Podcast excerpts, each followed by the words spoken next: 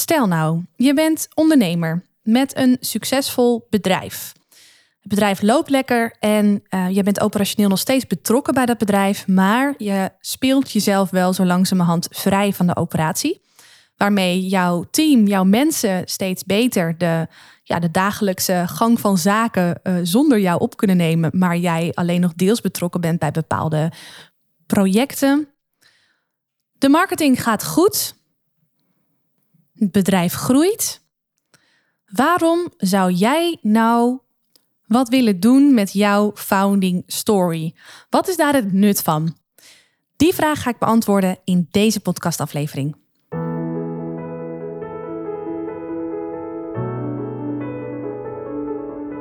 Mijn naam is Marije Wielenga. Is presenteren voor jou van essentieel belang om succesvol te zijn? Zakelijk, publiekelijk of persoonlijk? Dan is deze podcast Stralend Presenteren voor jou. Als Nederlands kampioen in speechen daag ik je uit om boven de saaie zakelijke presentatiestandaard uit te stijgen. En meer dan dat nog, om boven je eigen standaard uit te stijgen. Blijf luisteren om te leren hoe.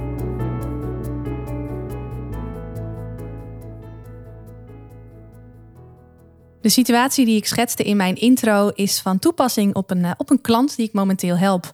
Om zijn founding story goed te kunnen vertellen en om strategisch in te kunnen zetten tijdens lezingen, tijdens andere uh, aangelegenheden.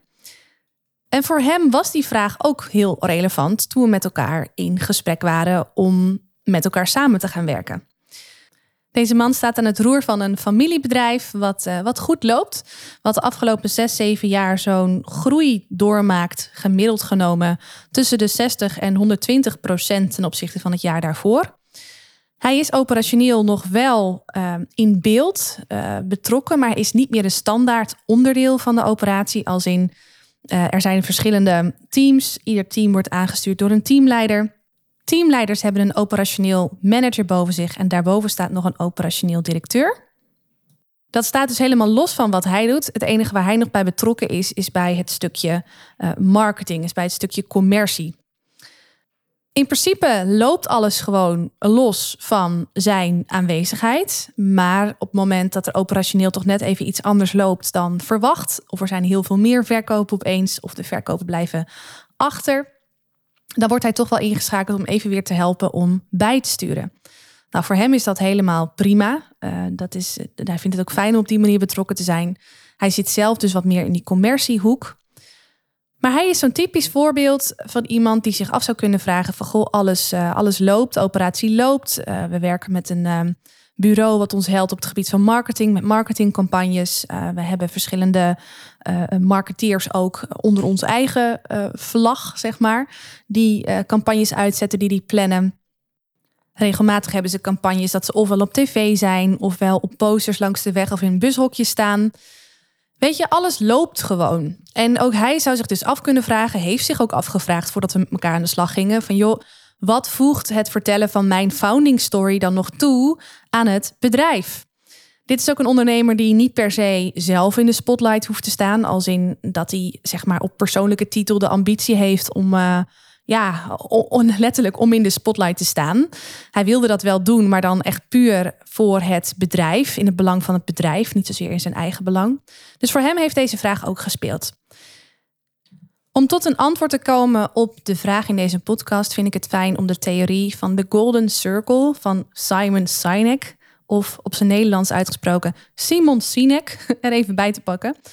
Simon Sinek is een uh, Amerikaanse goeroe, durf ik wel te zeggen, die heel veel spreekt op het gebied van leiderschap en op het gebied van communicatie. En ook uh, als het gaat om uh, generaties, generatie X, generatie Y, generatie Z. Maar de theorie, de Golden Circle, heeft vooral betrekking op het thema communicatie. Hij heeft hier een heel uh, boek over geschreven. Start with Why heet het. Uh, wil ik je van harte aanbevelen als jij uh, deze theorie trouwens nog niet kent en benieuwd bent hoe je dit goed in kan zetten voor je bedrijf. Maar ik ga je eerst even proberen samen te vatten waar deze theorie op slaat, omdat ik daarmee een mooi antwoord kan geven op de vraag in deze podcast. Zie de communicatie die je doet vanuit je bedrijf even als een, um, een ronde cirkel met drie verschillende lagen. Dus je hebt een toplaag, een middenlaag en je hebt een kern. Zie even een soort ui voor je. En de manier waarop er gecommuniceerd wordt in het algemeen is um, ja, vanuit een van die drie lagen. Maar zoals Simon Sinek zegt, de meeste bedrijven communiceren vanuit de buitenste communicatielaag. En die laag gaat heel erg over wat is het dat je doet. Dus stel even in, um, in mijn persoonlijke voorbeeld dat wat ik doe is trainen en coachen als presentatietrainer en coach. Dus trainen en coachen is dat wat ik doe.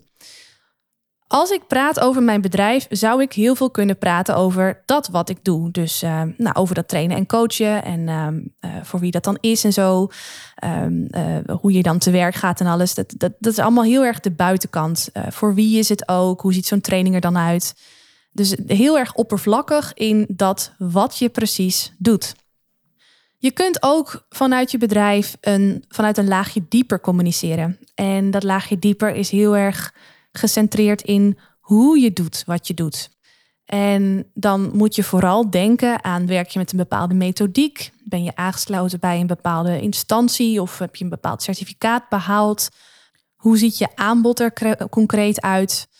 Nou, om daar ook weer even een voorbeeld van te geven vanuit mijn eigen praktijk is ehm, als ik zou communiceren in hoe ik doe wat ik doe, echt op, de, op deze laag zoals die bedoeld is, dan zou ik heel erg kunnen praten over mijn traject.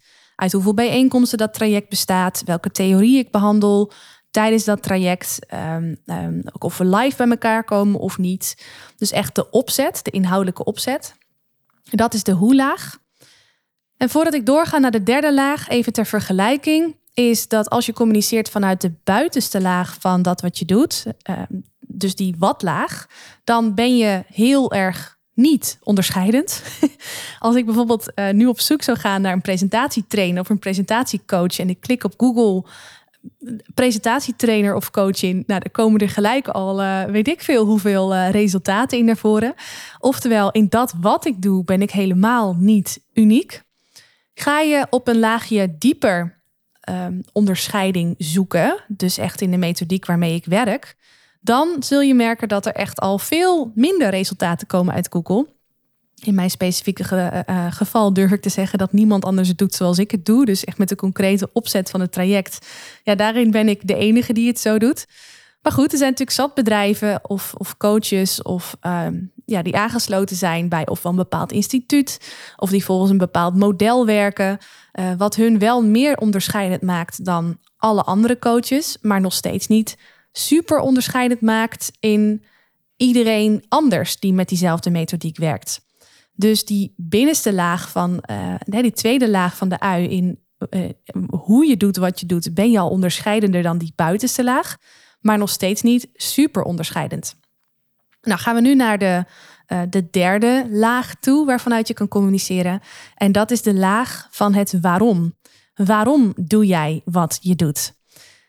Die vraag is best wel essentieel. En het is ook een vraag die maakt wat jou drijft om te doen wat je doet. Dus die gaat ook bij ondernemers op een psychisch stuk al echt dieper dan nou, de meer oppervlakkige uh, um, manieren van zichzelf presenteren, de meer oppervlakkige teksten die worden geschreven vanuit het bedrijf. Die gaan namelijk ook heel erg over ja, waar je wakker voor gemaakt wil worden, wat je echt wil bereiken, jouw doel in het leven, je waarom in het leven. Ik heb uh, onlangs een uh, podcast over, opgenomen over mijn waarom en waarom ik doe wat ik doe. Dus als je nieuwsgierig bent naar eh, mijn why, zou ik je zeker willen adviseren om daar eens naar te luisteren. Dat is een laag, die waarom laag, waarvan Simon Sinek zegt: joh, eigenlijk wordt er veel te weinig vanuit die laag gecommuniceerd. Iedereen heeft het wel over het product of over het proces of over de dienstverlening in een nou, wat idealer geval ook in hoe dat zich onderscheidt in methodiek van andere uh, conculega's die min of meer hetzelfde doen. Maar er wordt eigenlijk veel te weinig gecommuniceerd vanuit die waarom. Waarom je doet wat je doet. Terwijl dat de enige laag is waarin je echt, echt echt onderscheidend kunt zijn ten opzichte van conculega's.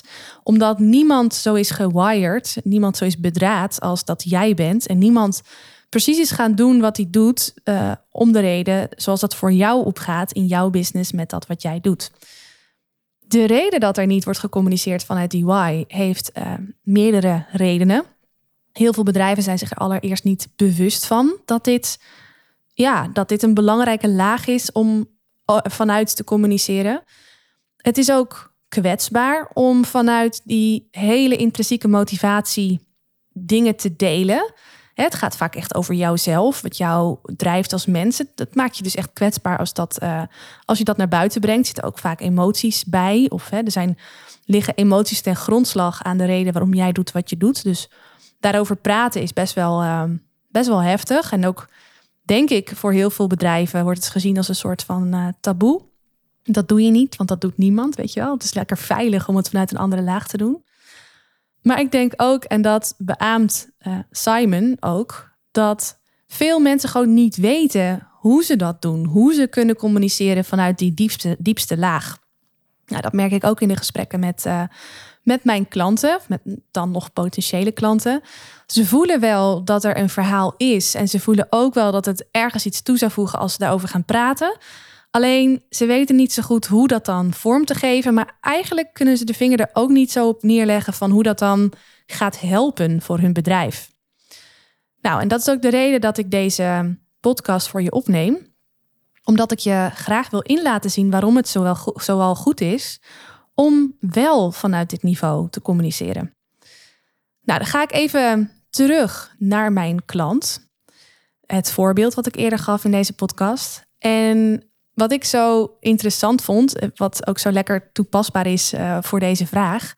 Toen ik met deze klant in gesprek was, toen hij nog geen klant van mij was, ging ik ook eens op zijn website kijken. Of op de website van zijn bedrijf. Het is niet per se zijn website.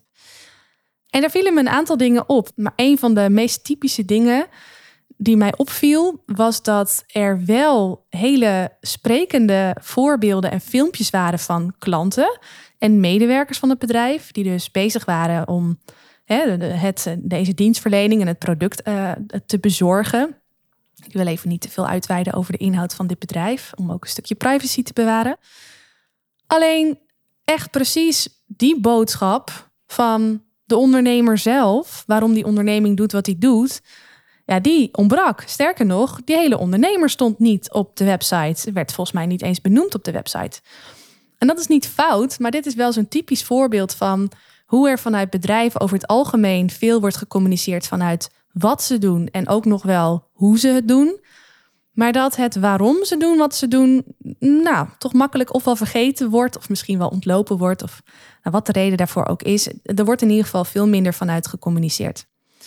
Nou, deze man zag al in dat het op zich is goed is om daar wel wat mee te doen. Kon ook wel inzien dat dat echt een laagje was wat nou, wat, wat, wat nu wel een keer aangeboord mag worden. Helemaal nu het bedrijf zo flink is gegroeid en ook echt een hele goede uh, marktpositie heeft geclaimd.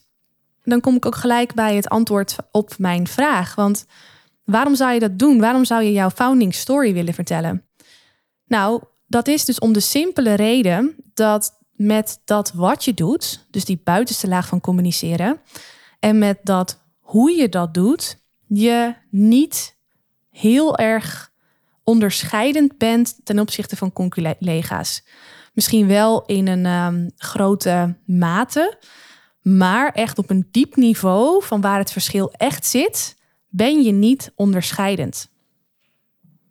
Ik heb het voorbeeld vaker gebruikt, maar ik ga hem nu even opnieuw aanhalen, omdat ik denk dat dat heel sprekend is. Tony Chocoloni bijvoorbeeld is in wezen een gewoon chocolademerk. Zoals er zo verschrikkelijk veel chocolademerken zijn. Als zij vanuit een laagje dieper communiceren en ze vertellen hoe het product tot stand is gekomen, dan zijn ze echt al een stuk unieker dan de doorsnee chocoladefabrikanten die, uh, nou, die daar gewoon hè, het normale productieproces voor uh, hanteren. Ik weet niet precies hoe dat gaat hoor, maar die niet per se met duurzaamheid bezig zijn en gewoon voor de goedkoopste productiemethodiek kiezen in het goedkoopste land uh, wat voor de hand ligt. Met de, uh, uh, ja, de boeren samenwerken die de meest goedkope cacao kunnen afgeven. Dus in heel geval, als ze communiceren vanuit hoe ze het doen met een stukje duurzaamheid, zijn ze al een stuk onderscheidender. Echter, dan zijn er nog steeds concurrenten die ook bezig zijn met duurzaamheid en ook boeren een eerlijke prijs willen geven voor hun cacao, et cetera. Dus daarin zijn ze nog niet heel, heel, heel onderscheidend. Wat Tony Chocoloni echt onderscheidend maakt, is hun missie die op een echt op een veel dieper niveau ligt om de wereldwijde cacao-markt slaafvrij te maken. Bij dit statement hoort een verhaal. Het waarom ze doen wat ze doen. En dat is best weer een gevoelig verhaal, wat je dus neer kan zetten als de founding story. Het is niet nodig om je product te verkopen. He, voor de verkoop van je product is het niet nodig om die founding story te vertellen.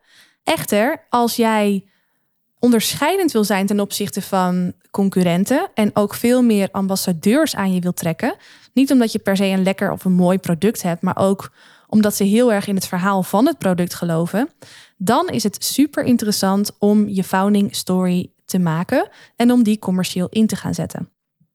Uiteindelijk kopen mensen niet per se uh, van bedrijven, maar kopen ze van mensen.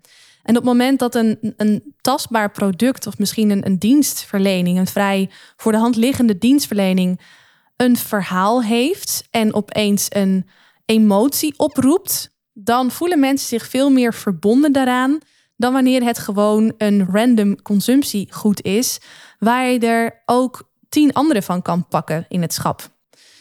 Dus op het moment dat jij als ondernemer en founder voelt, joh, het bedrijf loopt lekker. En als het gaat om het, eh, het wat-niveau, dus dat wat we doen, dat loopt gewoon goed. Dat hoe we dat doen, wat we doen, dat, dat loopt ook lekker. Daarin zijn we onderscheidend genoeg. Maar het werkt ook operationeel, werkt allemaal goed. Hoe we het doen, we kunnen echt onze belofte waarmaken. En dat blijkt ook, hè, want je hebt een gevestigd bedrijf, je hebt een, uh, een team van collega's die de dagelijkse operatie uh, doen. Of je daar nou helemaal vrij van bent gemaakt of uh, nog deels bij betrokken bent, maakt dan niet uit. Maar in zo'n geval is het super interessant om eens te kijken van, joh, mijn founding story, hoe kan ik die vertellen en die inzetten om een nog sterker merk te creëren, om mensen nog meer te binden achter dit product of achter deze dienst, om echt kennis te laten maken met de ziel van het product. Om zo ja, niet alleen klant te worden, maar ook echt ambassadeur te worden van dat wat ik doe. Nou, en dat is de reden waarom je jouw founding story zou willen vertellen. Dus nogmaals, niet per se om, um, om, om het product op de markt te zetten. Dat kan wel hoor. Of, of te vertellen hoe je dan doet wat je doet. Maar echt om je product een ziel te geven en mensen te laten verkopen op jouw verhaal naast dat ze verkocht zijn op het product. Of misschien zelfs wel in plaats van dat ze verkocht zijn op het product. Want als bedrijf, als merk, heb jij veel meer aan uh, ambassadeurs die echt hè, die, die, die aan jouw zijde staan, die in jou geloven, dan dat je wat hebt aan mensen die puur je product kopen omdat ze het gewoon nodig hebben. He, je hebt veel liever een langere termijn relatie met je klant, omdat ze dus geloven in je verhaal en de ziel van jouw bedrijf uh, zien, erkennen en waarderen. Uh, dan dat je alleen wat aan mensen hebt omdat ze gewoon heel plat alleen je product kopen. Dat geeft ook veel meer voldoening. Dus het hele simpele uh, antwoord op de vraag waarom zou je je founding story inzetten, kan je dus formuleren als je zet dit in om echt super onderscheidend te zijn van anderen, omdat je nu communiceert vanuit een niveau wat veel dieper gaat dan wat je doet en ook hoe je dat doet. Maar ook om een langere termijn relatie aan te gaan met de mensen om je heen. Dat kunnen klanten zijn, maar dat kunnen ook gewoon mensen uit jouw netwerk zijn. Die ook heel erg geloven in dat wat je doet. Die heel erg geloven in de ziel van jouw bedrijf. Nou, ik ben ervan overtuigd en kan het ook zien aan de voorbeelden van Coolblue, van Tony Chocoloni. Dat als je dus inderdaad gewoon gaat vertellen vanuit de waarom van je bedrijf, dat je dan echt veel meer succes boekt op de langere termijn dan wanneer je puur en alleen focust op de reclame van je product um, aan zich of op de reclame van hoe je doet wat je doet. En dat dat uh, op de lange termijn gewoon voor veel meer succes en voldoening gaat uh, opleveren. Zo, aan het einde van deze podcast wil ik je nog een, um, een vraag meegeven om eens over na te denken met de context die ik je nu net heb gegeven. En dat is allereerst de vraag: in hoeverre ben jij nu al bezig om te communiceren vanuit de ziel van je bedrijf? Dus te communiceren vanuit die waarom, die, het, het hart van de ui. In hoeverre communiceer jij nu al vanuit het waarom jij doet wat je doet? En als je het gevoel hebt dat je dat al doet, dan ga ik je nog een vervolgvraag stellen. En dat is de vraag: met het horen van deze podcast, welke kansen laat jij nog liggen om nog veel meer vanuit dat waarom stukje te gaan communiceren? Dus wat zijn bijvoorbeeld gelegenheden waar je dat nog zou kunnen doen, waar jouw verhaal nog uh, niet voldoende gehoord is of nog gehoord mag worden? En even los van fysieke mogelijkheden, wat zijn nog andere mogelijkheden om je verhaal te vertellen en wat zou je dat opleveren? Denk daar eens over na en als je er een ei over hebt gelegd, laat het mij dan weten. Want ik ben super benieuwd hoe jouw founding story nu al voor jou werkt. En als je eraan toe bent om jouw founding story beter voor je te laten werken, om daar, of om daar überhaupt eens een keer mee aan de slag te gaan, om te starten om het verhaal voor je te laten werken, stuur me dan een berichtje voor een uh, vrijblijvend kennismakingsgesprek. Dan kun je mij jouw founding story vertellen. En dan kan ik jou mijn uh, perspectief voor jou schetsen om die founding story nog meer voor jou en jouw bedrijf te laten werken. Voor nu wens ik je een hele fijne dag toe en heel graag tot de volgende podcastaflevering. Is deze podcast waardevol voor je? Abonneer je dan op mijn kanaal om geen aflevering te hoeven missen. En als je dan toch bezig bent, geef je hem ook even 5 sterren via Apple Podcasts. Zou ik echt enorm waarderen. Dankjewel. Onthoud, je drinkt niet door met woorden, maar wel met het gevoel dat je de ander geeft. Tot de volgende aflevering. Doeg!